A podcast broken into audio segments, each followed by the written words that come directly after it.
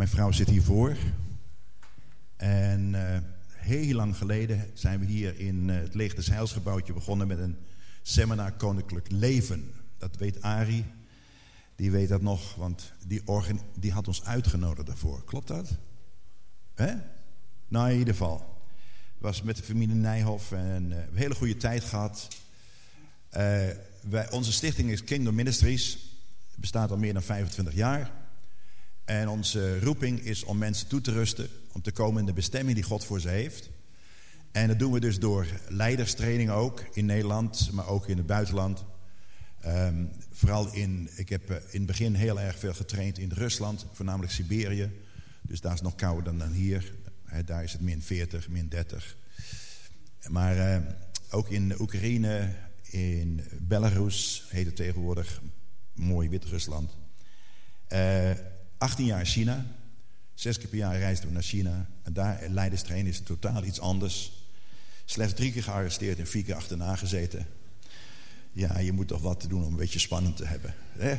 Jo, daarom. Het is echt eh, heerlijk om de te mogen dienen, want je maakt van alles en nog wat mee. Ja. Uh, toen het dat qua reistijd, jetlag, niet zo gezond meer voor me was in 2018, zijn we daar gestopt. Uh, de nieuwe godsdienstregels maakten het ook niet meer veilig voor de leiders om mij te ontmoeten. En uh, nog in twee weken na we officieel gestopt waren, krijg een verzoek om te komen naar Oeganda. En we zijn nu vijf jaar al bezig om in Oeganda te werken. Ja, was het zo, ja. Ja, goedemorgen voor alle Oegandezen hier. How many of you are from Uganda? Uganda. One, I saw your sons also, but they're gone. En, uh, oh, die zijn bij kinderwerk. Ja, fantastisch. Zijn er ook mensen hier uit Oekraïne? Rusland?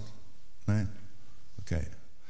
Goed, uh, het is gewoon heerlijk om uh, bezig te zijn met de Heer. Samen. Ja, ik, ik, doe, ik probeer dus vooral te doen wat Hij graag wil dat ik doe. en Hem de regie te geven. Deze morgen wil ik het hebben over ja, hoe God naar je kijkt. En dat is heel leuk. We hadden op de telefoon even een beetje gepraat uh, over, de, over de inhoud van de dienst en waar jullie mee bezig zijn. Maar weet je hoe God naar je kijkt? Ja, daar gaan we heel lang over bezig zijn.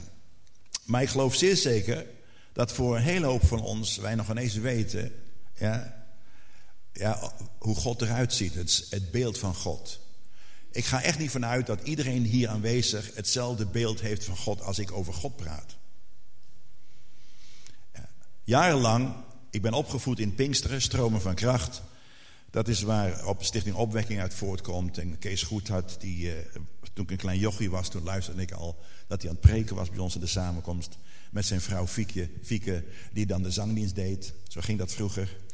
Ja, ja doen we niet meer hè, tegenwoordig. Schat, doen we niet meer hè, dat ik ga spreken dat jij de zang niet doet. Nee, dat is heerlijk. Maar er was één heel groot probleem. Ja, wij wisten alles van de Heilige Geest. Ja, we hielden van de Heer Jezus. Maar God als een vader was, dat, dat was een beeld wat we niet meekregen. Ja, God is God. En ik heb op een gegeven moment door begrepen dat omdat ik niet wist wie God de Vader was, dat bepaalt dat heel erg veel wat je doet en zelfs hoe je bidt. Dus de godsbeelden zijn belangrijk. En het zou best wel eens interessant zijn om in een, in een studiegroepje te zeggen: Oké, wat voor een beeld heb jij van God? Wie is God voor jou? En daarvoor dan, als Paulus dan begon uh, gemeentes te stichten uh, onder de heidenen, onder de ja, heidenen, dan moest hij wel gaan praten over wie God was, want hun hadden totaal geen idee wie God was. Zou je nog sterker vertellen, de Heer Jezus Christus ja, kwam niet alleen naar de aarde om te sterven aan het kruis, maar hij kwam naar de aarde om de Vader te openbaren. Aan Israël. Nou, wat is dat nou voor nodig? Die kende God toch? Ja, die kende God. Maar het beeld wat ze hadden van God, ja, bracht angst. Bracht angst. Ja, ze dienden God niet vanwege het feit dat ze hem zo lief hadden, maar meer vanwege het feit dat ze gewoon bang waren gestraft te worden. Maar dat ging vroeger zo, hè? je deed iets fouts, de grond openen en zeggen, de hele familie weg. En heel veel van ons hebben ook dat idee in hun hoofd over God. En in 1990, op de Bron, conferentie die ik zelf organiseerde, sprak een man over het vaderhart van God. Dat was voor het eerst dat ik een boodschap over het vaderhart van God hoorde. Die boodschap was toen niet een onderwerp in de hele wereld. En dit blew me away, om dat zo eens te zeggen. Ja, ik werd van mijn sokken geblazen. Want ik, ik begreep eigenlijk, ja, Jezus kon er helemaal goed mee omgaan. Want Jezus was de vriend die in onze plaats gaan staan. En welke vriend is onze Jezus? We hebben het net gezongen, hè, de plaatsvervangend werk, the great exchange. Ja, Jezus kon ik snappen, want Jezus was één van ons geweest. Hij was onder ons geweest. Hij wist wat het is om moe te worden, om bezweet te raken, te moeten slapen, te moeten eten, met verdriet om te gaan wat hij om zich heen zat. De Heilige Geest van ons Pinkster mensen, we wisten zelfs waar die heen blies. Ja, de Bijbel zegt, gij weet niet waar de wind heen waait. En dat had te maken met de Heilige Geest. Maar wij wisten alles van de Heilige Geest, vonden wij. Maar God was God. Wij baden natuurlijk ook het Onze Vader niet, want dat was gewoon zo'n formuliergebed. Wij werden geleid door de Geest, dus we baden nooit formuliergebeden. Het Onze Vader, dat was voor traditionele mensen, niet voor Pinkste mensen. Maar het beeld wat ik had van God was een God die gewoon zit te wachten dat je iets fout doet en je dan straft. Ja. En in mijn gebed richt ik me ook naar Jezus. Ik bad tot Jezus. En dat is eigenlijk een verarming die in mijn opvoeding gewoon meegekomen was. Het beeld van vader was ook een afstandelijke vader, want mijn aardse vader zou nu PTSS ja, getypeerd worden. En die was getraumatiseerd. En mijn aardse vader was niet zo emotioneel betrokken bij mijn leven. Hij was een goede vader, hij verzag. Maar je kan nooit een beeld hebben van God als een hemelse vader als je niet ja, een vader gehad hebt. Want dat beeld van je vader zijn projecteren we vaak, ja, duizend keer beter natuurlijk, op God. Maar toch is daar een gebrek. Dus hoe God naar je kijkt, hangt af van welk beeld van God je hebt. Ik dacht van ja, die God die moet ik dienen, want als ik iets fout doe, dan. Uh... En dan zit je niet te wachten op intimiteit. Want bij mijn aardse vader had ik dat ook niet. Dus als we niet een helder zicht hebben hoe God naar ons kijkt en wat zijn plan was toen hij de aarde schiep en ons daarop zette, wordt het erg moeilijk om hem te begrijpen, om hem te vertrouwen en hem te volgen. En daarvoor dan dat Paulus ja, op een gegeven moment ook aan de heidenen, ja, die tot geloof kwamen, opnieuw moest vertellen het plan van God met de mensheid. En dat kan je lezen in Efeze 1 vanaf vers 4. Een hele mooie tekst. Een van mijn lievelingsteksten. Hoeveel heb je er, Anton? Een paar duizend. ja. Efeze 1 vanaf vers 4. Hij, dat is God, heeft ons immers in hem, dat is Jezus, uitverkoren voor de grondlegging der wereld, opdat we heilig en onberispelijk zouden zijn voor zijn aangezicht. In liefde heeft God ons ervoor ertoe bestemd om als zonen van hem, de Hemelse Vader, te worden aangenomen door het werk van Jezus Christus. Naar het welbehagen van God de Vader zijn wil. En dat was eigenlijk Paulus die uitlegde van, ja, zo is het gegaan. God heeft mensen geschapen en die schepping lag al in het plan van God voor de grondlegging van de wereld. Dus we zijn niet een toevallige samenloop van omstandigheden, voortgekomen uit een grote explosie. En dan geëvolueerd tot intelligente mensen, die de laatste tijd niet zo intelligent zijn. Wij zijn bewust bedoeld voordat er geformeerd werd om een kind van God te zijn. En dat is zo bijzonder, want er was nog niks gecreëerd. De tweede vraag was natuurlijk: oké, als we dat gaan doen, waar gaan ze dan wonen? En toen schiep God de hemel en de aarde als een woonstede voor ons om op te zijn. Maar vanaf het begin van, was het de intentie van God om ons te maken en op de aarde neer te zetten. Niet als een of andere veredelde hovenier. Adam was niet een of andere veredelde boer ja, die dan moest zorgen voor het land. Nee, hij was voorbestemd om een zoon van God te zijn. Ja, Anton, dat zeg je nou wel. Maar waar staat het in de schrift? Nou, heel simpel. Ja, dat staat in, uh, in Lucas. Als je kijkt, Lucas 3, vers 38. Wie van jullie houdt ervan om uh, geslachtsregisters te lezen? Ja? Ah, jullie zijn de goeie. Geslachtsregisters lezen. Ik ben nu bezig met de Bijbel, een, een audiobijbel te luisteren s morgens. En dan moet ik wel door, door uh, kronieken heen. En dat is echt worstel hoor, gewoon door kronieken heen. Ja, want al die namen van al die zoons en die kregen die en die en die en die en die. Maar toch is het heel belangrijk, want als je gaat lezen in Lucas 3, dan kom je op een gegeven moment, ja, dan kom je in vers 13, de zoon van Methuselah, de zoon van Henoch, de zoon van Jered, de zoon van Mahalalel, de zoon van Kenan, de zoon van Enos, de zoon van Seth, de zoon van Adam. En dan staat er de zoon van God. En dat laat heel duidelijk zien wat ik net gelezen heb. Wij zijn voorbestemd om als zonen van hem te worden aangenomen, als kinderen worden aangenomen. Dus de uitverkiezing is niet zo van, uh, oké, jij bent uitverkoren om gered te worden.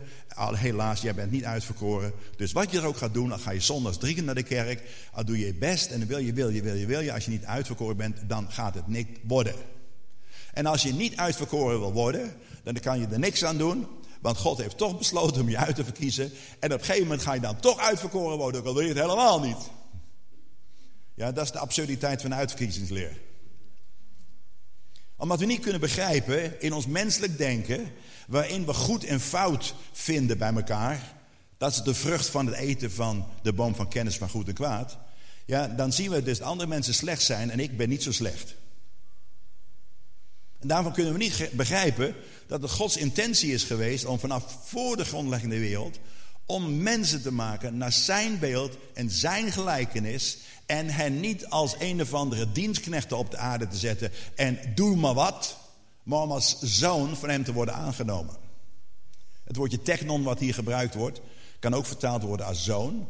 Wij Nederlanders hebben de voorkeur eraan om dat te vertalen als kind.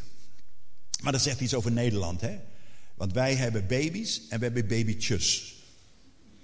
Wij verkleinen alles. We hebben huisjes, ja, een theekopje, ja, en een kindje ja, en een zoontje.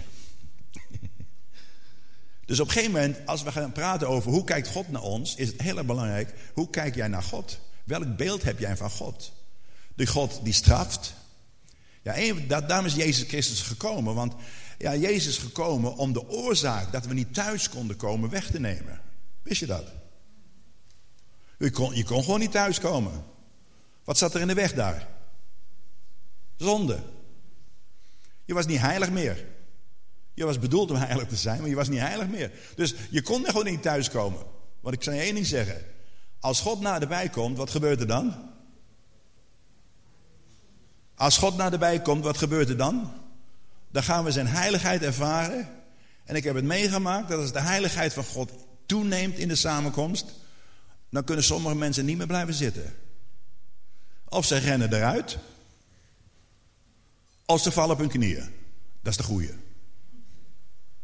Ja, wie heeft het wel eens meegemaakt? Ja. Dat gebeurde ook hè, toen Adam en Eva van de vrucht genomen had. Ja, de vrucht gaat hier niet zozeer om de vrucht, maar het gaat om toen ze de opbrengst zagen van het eten tegen het gebod van God in. Toen dachten ze, dat is een mooie opbrengst, dat is een mooie vrucht ervan zeg. Dan worden we net als God.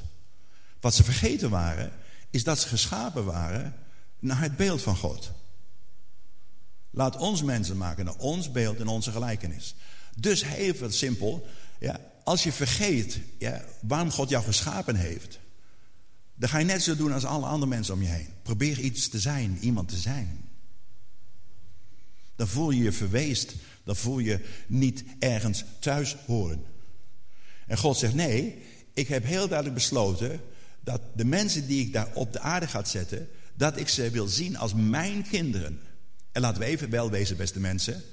Hebben jullie als ouders ook niet het verlangen om goed voor je kinderen te zorgen?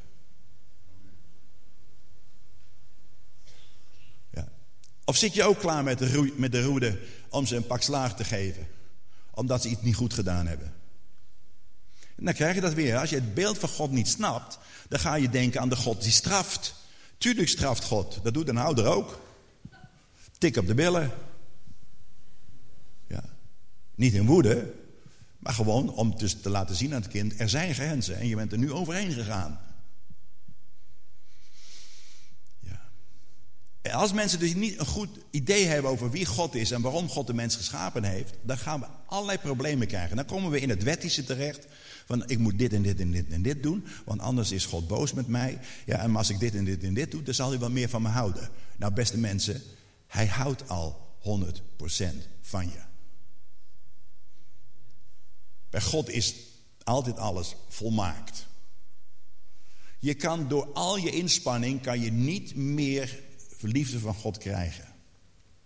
Er is maar één ding wat je kan maken dat je Gods liefde kan krijgen. En dat is door je hart open te zetten. Ja, mijn hart is nou het probleem, Anton. Ja, in mijn hart. Hart is denken, voelen, willen. Hè? Dat is je hart. Dat praat over ziel en hart.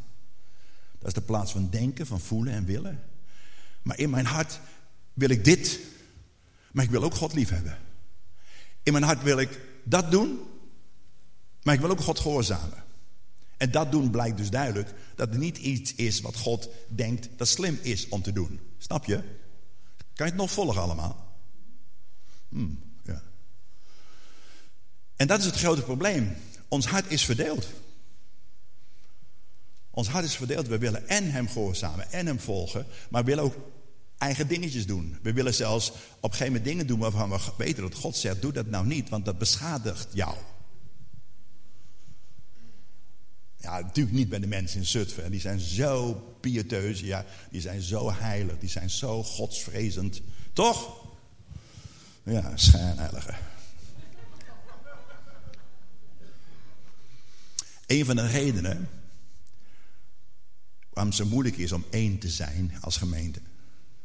Komt namelijk omdat we in ons hart, eigen hart al problemen hebben met eenheid. Een van de redenen waarom Jezus nooit overspannen geworden is, nooit een burn-out heeft gehad, is omdat hij één van hart en één van ziel was. En wat was zijn intentie van zijn hart en zijn ziel? Wat was dat? De wil van de Vader te doen. Niet ik, niet mijn wil, maar uw wil geschieden. Dat geeft rust, wist je dat? Als al die andere dingen die je ook graag wilt, die soms tegenstrijdig zijn, als je er allemaal nou eens een keer weg kan werken, dan is er maar één verlangen. U en u alleen. We willen het wel, maar we varen niet altijd. Als je van alles nog wat wil, raak je overspannen. Zeer zeker als je het nodig hebt om iemand te zijn. Om iemand te zijn. Want weet je, in de wereld ben je pas wat als je rijk bent. In de wereld ben je pas wat als je gestudeerd hebt. In de wereld ben je pas wat als je knap bent. Ja. In de wereld ben je pas, ja, dan, dan, dan heb je een titel. Ja, wie heeft er een titel nodig hier? Je kan, je, kan, je kan ergens wel een profeet vinden die jou apostel noemt hoor. Dat is helemaal niet moeilijk.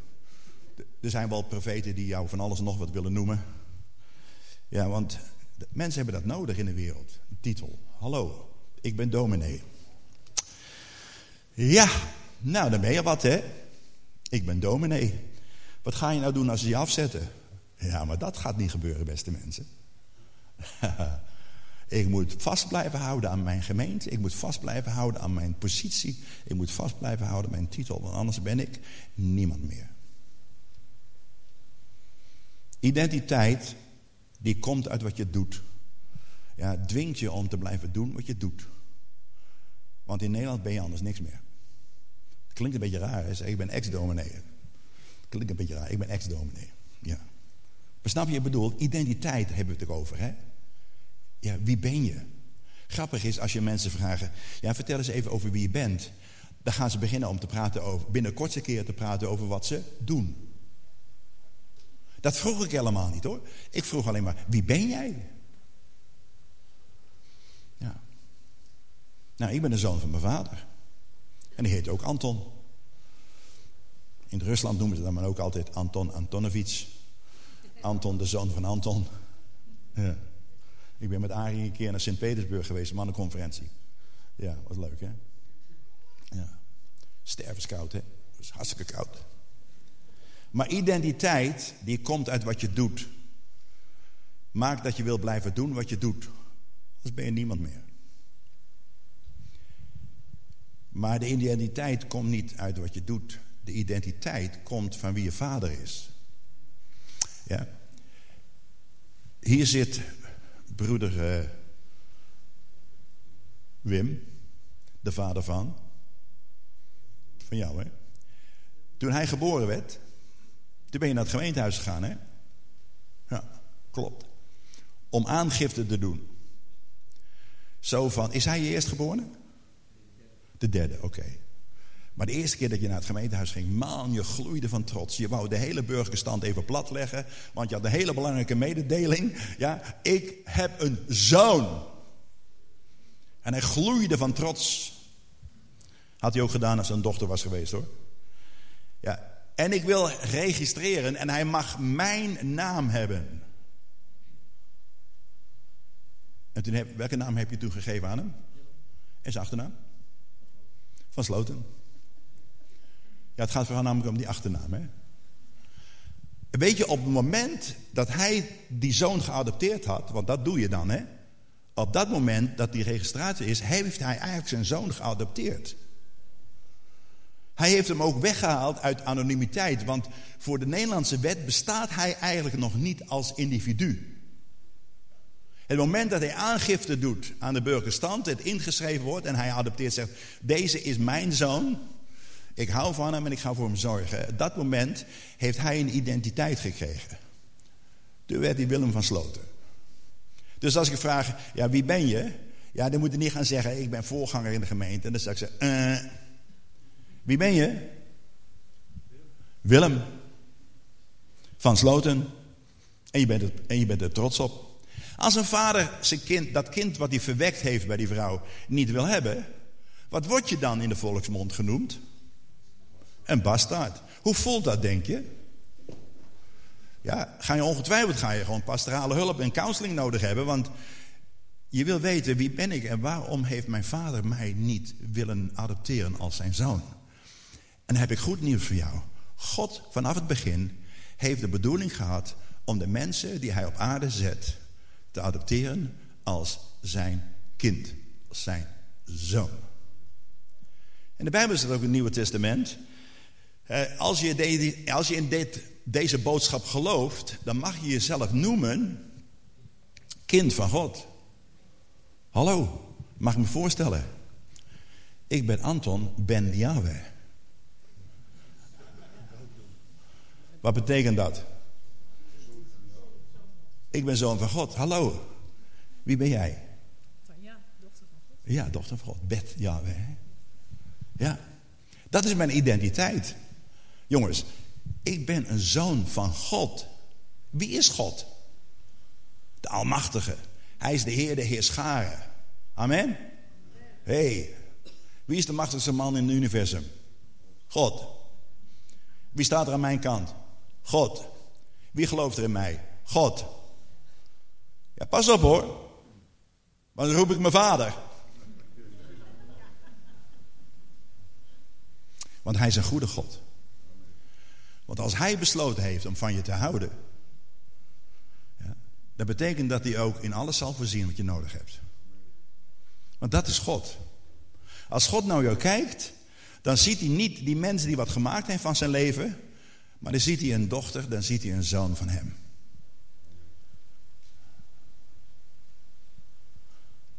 En wij kijken zo op tegen mensen die wat gemaakt hebben van hun leven.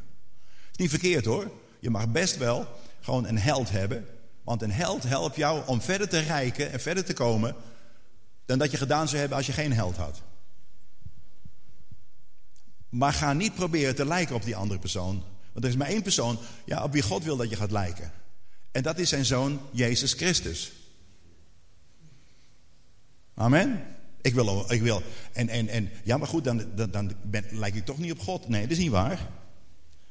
Want Jezus zegt op een gegeven moment in Johannes 14, vers 9. Zo mooi, het staat zo mooi in de Bijbel. Hè? Jezus zeide tot hem, hè, want op een gegeven moment vroegen ze van, Heer God, toon ons de Vader. En zegt de Heer Jezus, krijg nou wat. Dan ben ik al zo lang bij jullie geweest, ja. Ben ik zo lang bij jullie, Filippus. En je kent, kent gij mij niet. Wie mij gezien heeft, heeft de Vader gezien. Waarom? Omdat de Vader en de Zoon twee druppels water zijn. Ze lijken op elkaar. Dus ik snapte ook niet. Waarom kon ik niet uit de voeten met God de Vader, maar wel uit de voeten met Jezus? Omdat ik niet goed doorhad wie God de Vader was. Ik kon me vereenzelvigen met Jezus, want daar las ik over. Maar Jezus is de volmaakte openbaring van de Vader. Hij kwam om de Vader te openbaren. Want Israël was bang voor God. De God die straft. Ja, de, de God die regels gegeven heeft, je kan je nooit aan voldoen. Wat men niet wist en snapte, is dat de wet nooit bedoeld was om te redden. Ja, regeltjes zijn er niet om meer ja, in de gunst van God te komen. Regeltjes zijn er om te zorgen dat de samenleving niet rot wordt en uit elkaar valt zoals het nu gebeurt. En waarom gebeurt het nu? Omdat we niet ons houden aan de regels van God. Dus God straft ons? Nee, kwaad straft zichzelf. Gegarandeerd, als je gaat besluiten om nu toch te doen wat de Heer zegt, zal jij gaan zien dat de zegen nu ook begint te komen. Elk een die in, in een stukje begeleiding zit, in een stukje counseling zit, er komt een moment in je leven waarin je moet bekeren en afkeren en de Heer gaan volgen en doen wat hij zegt. Zoals vergeven. Dat is ook een hele goede. Als je dus van een hoop zoors wil afkomen, moet je gewoon vergeven de mensen ja, die uh, lelijke dingen gedaan hebben. Ja. Als ik dat had laten inwerken op mijn leven, wat mensen over mij gezegd hebben, wat mensen me aangedaan hebben, dan zou ik hier al lang niet meer staan. Maar omdat ik weet dat ik geliefd ben en geaccepteerd ben door mijn hemelse vader, ja, weet ik gewoon dat ik lekker door mag gaan. Want ik wil maar één persoon behagen en dat is hij. Dat maakt op een gegeven moment dat sommige mensen een beetje problemen met me krijgen. Ja, ik wil je wel van je houden en ik hou van je. Toen ik op de MTS les ging geven, we kwamen terug uit de Filipijnen, acht jaar gewerkt. Ging lesgeven op de MTS. En aan de eerste jaar zei ik altijd: Jongens, ja, je hebt net in al die andere klassen allemaal regels gekregen. Hè, de eerste jaar, dit mag niet, dat moet je, dit, zus en zo. Maar ik heb maar één regel hier. Ik accepteer je om wie je bent. Maar ik accepteer niet alles wat je doet. Als je dat snapt aan het eind van het eerste leerjaar, ja, dan krijg je van mij een voldoende. Want zo is het gewoon. God houdt van je om wie je bent. Wie ben je ook alweer? Een dochter van God. Ben je een zoon van God? Zo. Dus we hebben dezelfde vader, hè? Andere moeder, maar dezelfde vader. Heerlijk, hè? En hij gelooft in me. Hij ziet het helemaal met mij zitten. Ik ben zijn kind. Ja. Nou wil hij wel dat ik ophoud met kinderlijk gedragen en dat ik volwassen word. Maar hij houdt van mij om wie ik ben. Ondanks wat ik doe. Als zijn liefde gebaseerd was ja, op het doen van zijn wil, dan had hij lang moeten stoppen. Dus daar vandaan moet je ook oppassen dat je niet allerlei etiketjes op je laat plakken, zodat je dan dus belangrijker bent. God heeft maar één lieveling, één lieveling. Ja, en dat is zijn geliefde zoon. Ja, Jezus Christus. Maar volgens mij heeft God geen lievertjes. Hij heeft ons allemaal. Identiteit, wie ben je? Ja. En dat is waarom Jezus Christus aan het kruis gegaan is. Want ik kon niet thuiskomen, want mijn zonde stond in de weg. Ja, de vloek van de zonde is, wie zonde doet, moet sterven. Er moest iemand sterven. Hij is gestorven voor mij. Ja. Mijn zondige daden maakten hem tot misdadiger en hij is gestorven. Om de vreugde die voor hem lag, is hij gegaan tot in de dood. Want wat zag hij voor zich? Jou en mij, hier in Zutphen. Dat zijn de vrijgekochten des Heren. Dat zijn zij ja, die door te geloven in mijn naam nu zichzelf mogen weten een kind van God te zijn. Jezus zegt, ik ben niet gekomen om van mezelf te spreken, maar ik ben gekomen om de woorden van mijn vader door te geven. Van mezelf kan ik niks doen. Ik kan alleen maar dat zien doen wat de vader mij laat zien om te doen. Dat was zo eenheid in hem. Heerlijk. Weet je, al zo lief had God de wereld. Dat is de Vader. Zodat God, de Vader, zijn enige zoon gaf. Maar er staat heel duidelijk in de tekst die ik gelezen heb in Efeze 1... dat God ons geschapen heeft om in relatie te zijn. Niet als een veredelde hovenier. Hij is onze vader. Leuk hè? Onze vader. Ja, als hij mijn vader zou zijn, dan zou ik een vader hebben. Ja, ja, er staat niet mijn vader die in de hemel is. Er staat onze vader. En ons heeft uit te maken met meer.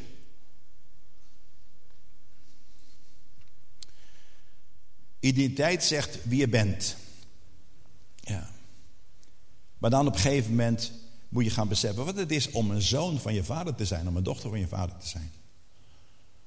Want God verlangt er niet naar dat je op een gegeven moment kind blijft, maar wel dat je dus volwassen wordt. Dat hoort er toch bij. Ja. Ja, wie van jullie is er nog niet volwassen geworden? Rick, je bent eerlijk. Ja. ja. Het grootste probleem van de kerk vandaag de dag is sommige mensen daarin zitten en niet volwassen willen worden.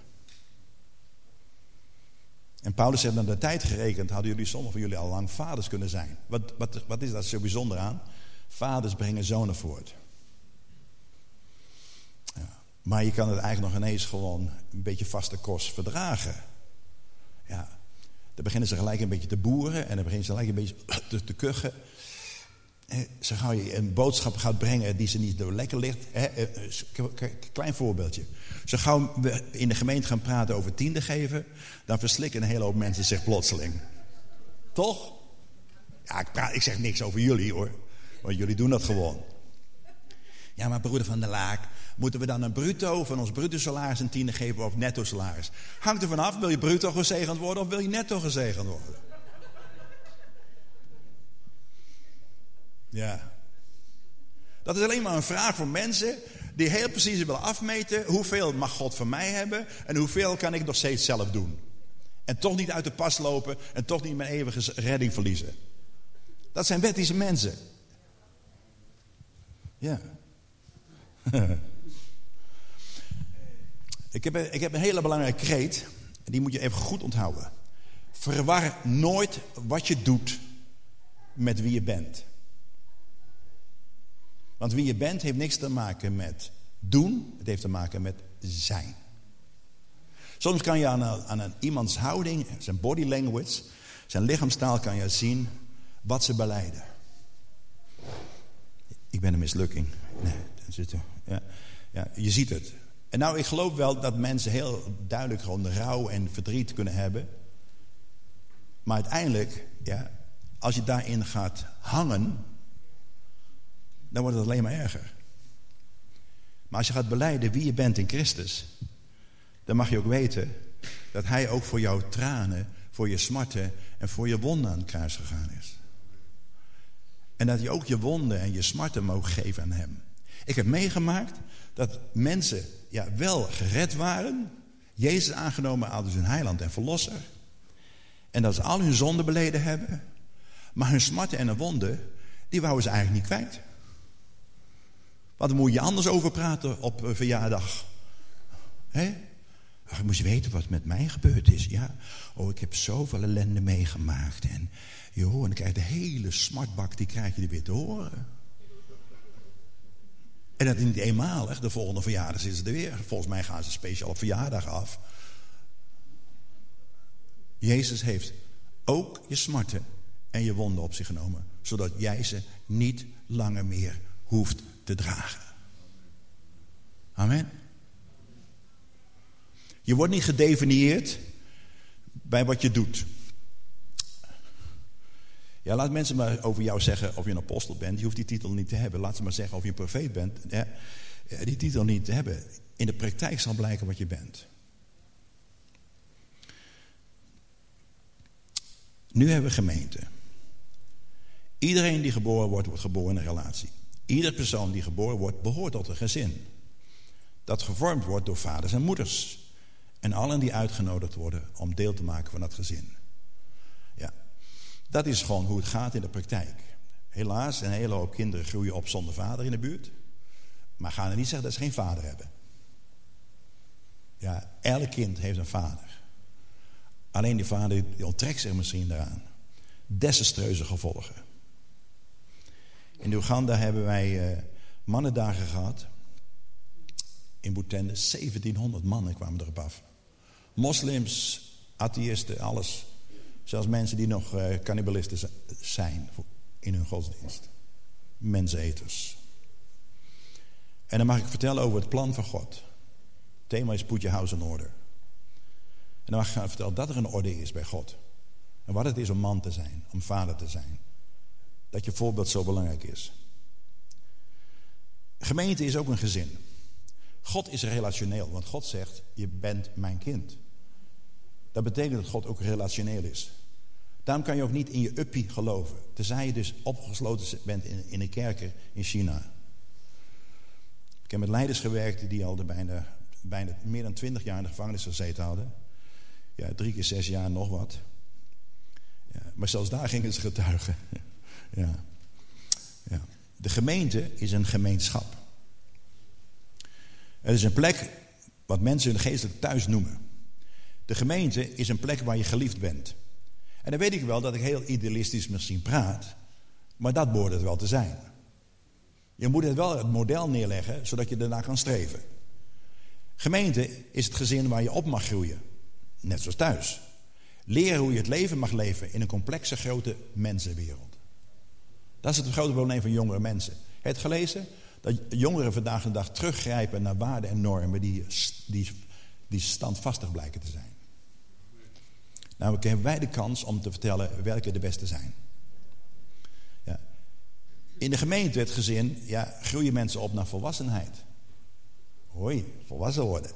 Stel nou voor hè, dat uh, over een maand, hè, over maand pas hoor. Over een maand pas, de Heer God. Al de mensen hier in de gemeente, ja, die nog niet volwassen willen worden, omtovert naar hun geestelijke volwassenheid. Snap je wat ik bedoel? Ja, dan gaat hij op een gegeven moment omtoveren. Ja, dan zit er op een gegeven moment een man, ja, die al twintig jaar de Heer kent, of vijf jaar of tien jaar de Heer kent. En die zit daar met een tulletje in zijn mond, of met zijn duim in zijn mond, in een luier.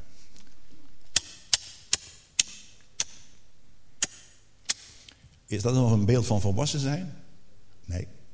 En dan zit er een jonge gast, die kent hij nog maar eh, twee jaar. Grote grijze baard. Want volwassen willen worden heeft niks te maken met leeftijd.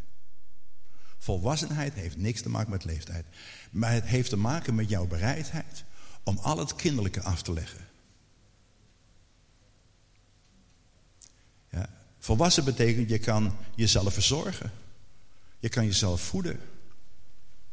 Ja, je kan zelf relaties aangaan. Je maakt ook je eigen keuze. En het toppunt van volwassenheid is dat als je een foute keuze gemaakt hebt, ook verantwoording neemt voor de foute keuze. Ja, daar heb ik niet een zeer uh, hedendaagse herinnering aan. Dat staat me niet meer bij. Dat is niet volwassen zijn. Volwassen mensen, als ze fouten gemaakt hebben, dan gaan ze dat ook herkennen. Dat zijn volwassenen. Ze nemen verantwoordelijkheid ervoor. En de strijd die Paulus had, en de strijd die we nog steeds hebben in de gemeente, is dat een hele hoop mensen niet volwassen worden. Dat is een beetje de schuld van de voorganger hoor. Echt, serieus. Moet je mensen op aanspreken. Willem, moet je mensen op aanspreken. Wil je nou volwassen worden, ja of nee? Ja. Eens.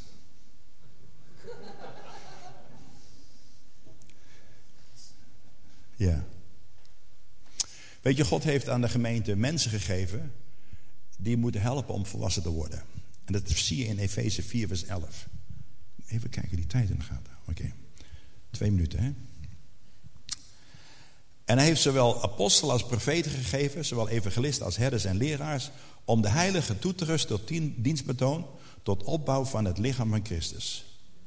Totdat wij allen de eenheid des geloofs en de volle kennis van de Zoon Gods bereikt hebbende, de mannelijke rijpheid en de maat van de wasdom, der volle van Christus. Dan moet je goed luisteren. Dan, als we dus volwassen geworden zijn, ja, zijn we niet meer onmondig. Hebben we ook recht van spreken. Hebben we ook autoriteit.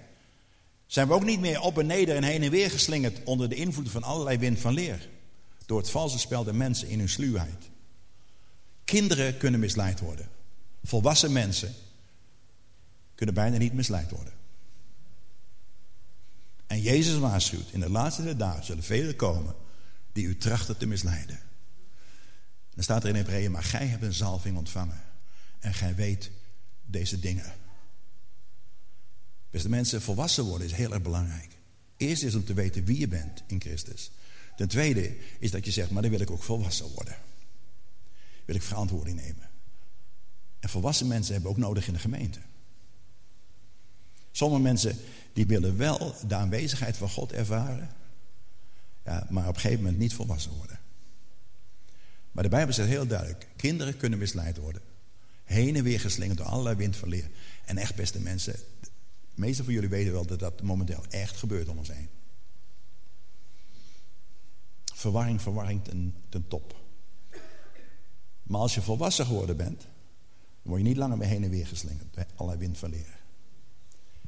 Gemeente zijn betekent niet dat je uniek zijn opgeeft, dat je individualiteit opgeeft. Je bent nog steeds een individu, maar je bent niet bedoeld om individualistisch te zijn. Je bent bedoeld om in een gemeenschap te zijn van mensen. Daar is de geborgenheid. Ja. Het CBS heeft een keer een onderzoek gedaan en kwam tot de conclusie. Mensen die horen bij een club, een kerkelijke groep ja, of in een andere soort gemeenschap, leven gezonder. En worden minder snel ziek en komen minder snel terecht in de sociale diensten. Zelfs de wereld erkent dat. En als wij als, als gelovigen ons laten verbinden, ja, ons invoegen als levende stenen. Ik zeg wel eens, er zijn zoveel zwevende stenen in Nederland. Zwevende stenen. Als het daar weer wringt, gaan ze gauw naar een volgende en dan gaan ze daar weer zitten. Je kan alleen maar daar groeien waar je geplant bent. Heel veel mensen zien zichzelf eerder een potje met een plantje. Die kan je gewoon meenemen en ergens neerzetten. En groeien doet hij wel. Je kan alleen maar groeien daar waar je geplant bent. Hoe kijkt God naar je? Als hij je aankijkt, dan wordt hij helemaal weer verliefd op je. Zegt hij, kijk eens. Kijk eens, jongens, kijk eens even naar die joken. Zegt hij in het Engels, kijk eens naar die joken. Ja, prachtig. Prachtig mens. Ben ik helemaal met hem eens hoor. Ik weet welke gedachten hij over mij koestert. Gedachten van vrede. Niet van onheil. Om mijn hoopvolle toekomst te geven. Hij wil alles wat wij nodig hebben. Wat tot leven en tot God verstrekt. Wil hij ons geven. God is een liefdevolle God. Maar je moet het wel aandurven. Om je hart open te zetten. En hem binnen te laten. En huis te houden. En dat klinkt gelijk zo negatief, hè? huishouden. Nee, hem de sleutels van je huis geven. Heer de grond en ken mij. En zie of er een heilloze weg is. Ja. En leid me op een eeuwige weg. Amen. Ik ga bidden.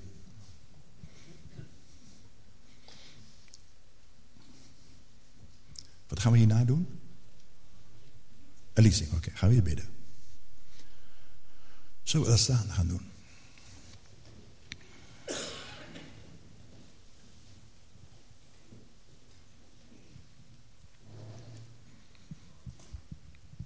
Heere God, dank u wel dat u ontzettend veel van ons houdt.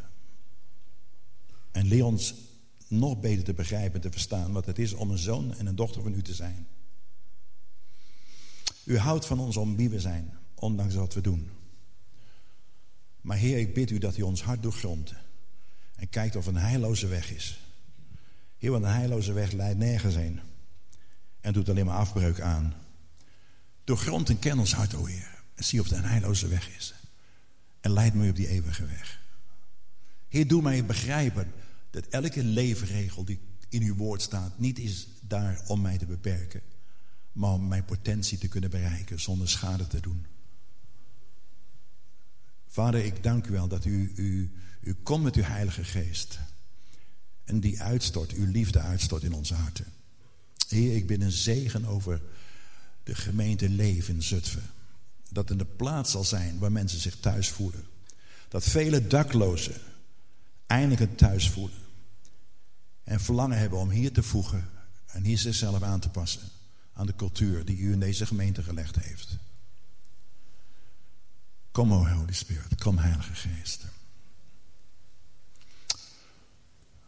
Halleluja. Dank u, Jezus. Heer, u spreekt tot harten hier van mensen. Heer, er zijn mensen hier waar een gevecht is in hun hart.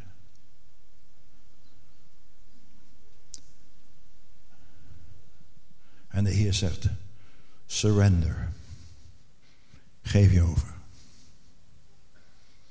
De strijd in je kop is, gaat alleen maar stoppen als je buigt en je overgeeft aan mij.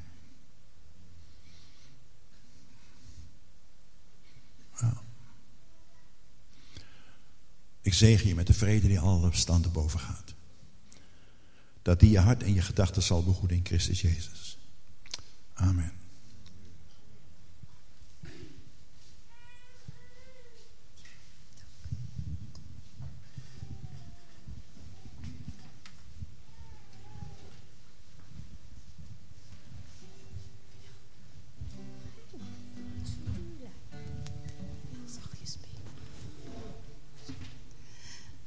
Uh, tijdens de uh, zangdienst uh, kreeg ik een beeld. En ehm, ik heb eventjes gewacht, maar ik wil het toch graag met jullie delen. En ik zag mensen met hun handen omhoog staan. En ehm, beide, beide armen in de lucht. En met name zag ik de wens van mensen om dat te doen. En aan elke arm hingen allemaal touwtjes. En aan die, aan die touwtjes hingen gewichten. En die gewichten waren dingen als, uh, als ik mijn handen omhoog doe, uh, dan hoor ik de stem van mijn moeder die zeggen, het ziet er zo belachelijk uit. Cynisme, andere dingen is ongeloof. Van, weet je wat je gisteravond nog een foute film gekeken, waarom zou je je handen omhoog doen? En ik zag mensen die diep verlangen hadden om God te eren en zijn heilige naam te prijzen, maar die krijgen niet hun handen omhoog door allerlei bolwerken. En ik hoorde gewoon de Heilige Geest zeggen: Ik wil die touwtjes doorknippen. Ik wil dat je gewoon weet dat je de vrijheid hebt om beide handen omhoog te hebben. En sommige mensen konden niet eens fysiek hun handen omhoog krijgen. En God wil ons in de vrijheid stellen. Als wij willen aanbidden, dat wij dat kunnen. Dat wij dat mogen. En dat wij daarvan genieten, samen met God die van ons geniet.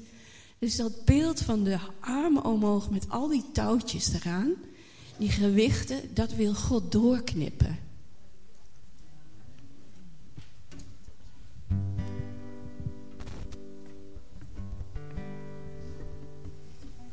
Nou, het volgende lied past ook heel goed bij uh, het woord van Anton. We gaan uh, zingen God and God Alone. God en alleen God. Het wordt ook gezongen door het Urker Mannenkoor. En jullie mogen helemaal losgaan. Dat als zij ons horen, dat ze denken van nou, die leeft, die kan er ook wat van. Dus doe je best.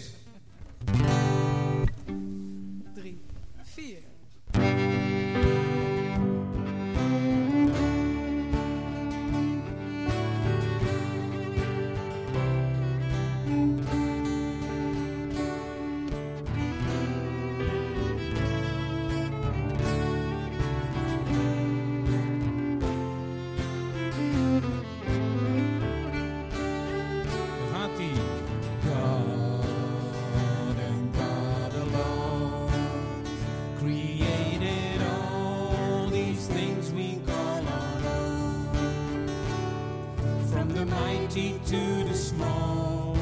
The glory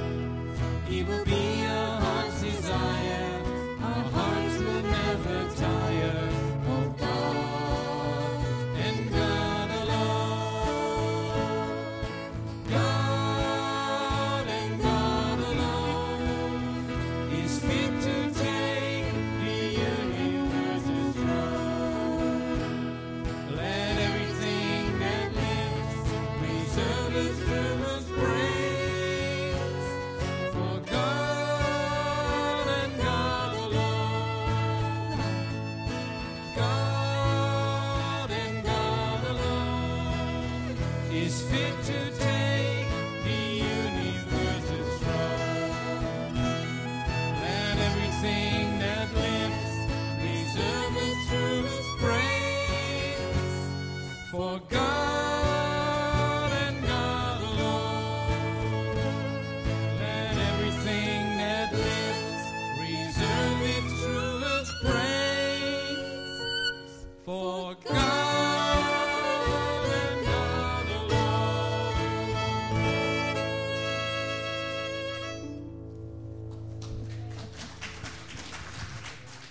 Nou, jullie hebben het goed gedaan. Ja, jullie ook. We gaan eh, deze dienst afsluiten. Mocht je geraakt zijn door, eh, door wat eh, Anton heeft verteld, hè, of wat beeld van Carla dat je ergens aan vastzit, hè, kom, kom gerust naar voren. We willen graag voor je bidden. Anton zal hier zijn en Carla zal meebidden, nog wat anderen van het gebedsteam. Dus kom gerust naar voren en dan kom je vrijheid ook halen of waar je ook aan vastzit of waar je door geraakt voelt. Dan, nog twee dingetjes. De mensen die straks een, eh een informatielunch hebben, straks om half één verzamelen bij de deur daarachter. Dat voor de mensen die nieuw geïnteresseerd zijn of zich, zich, zich hebben aangesloten bij de dienst. En er is voor iedereen heerlijke soep gemaakt door Michael. Die zat al te roeren, denk ik, in de pot. Dus, eh, maar vergeet niet als je straks die lekker bakje soep hebt, om iemand op te zoeken die je nog niet kent, lieve mensen. Hè. Zoek de mensen op die je niet kent, maak een praatje en nodig ze bij je thuis uit. Amen? Soep en gasvrijheid, onthoud dat. Laten we dienst afsluiten. Vader in de hemel, Jezus Christus, Heilige Geest, dank u wel voor uw liefde voor ons. Dat, dat we niet, je, houdt niet van ons om wat we doen, Vader. Je houdt van ons om wie we zijn. Het is zo'n verademing. Geen titel, geen bankrekening, geen wat dan ook, Heer. U houdt van ons zoals we zijn, Heer. Dank u wel daarvoor, Heer. En ik bid u, Vader, dat die boodschap heel diep zal doordringen vandaag bij iedereen, Heer. We mogen er zijn. Je mag er zijn. Je bent gewenst, je bent geliefd. Heer, en in uw kracht mogen we alles wat daar tegenspreekt ook verbreken in de naam van Jezus. Heer, dat alleen maar overblijft met hoe u naar ons kijkt, in Jezus' naam. Amen. Geniet van elkaar, geniet van de soep, geniet van de koffie en eh, tot volgende week.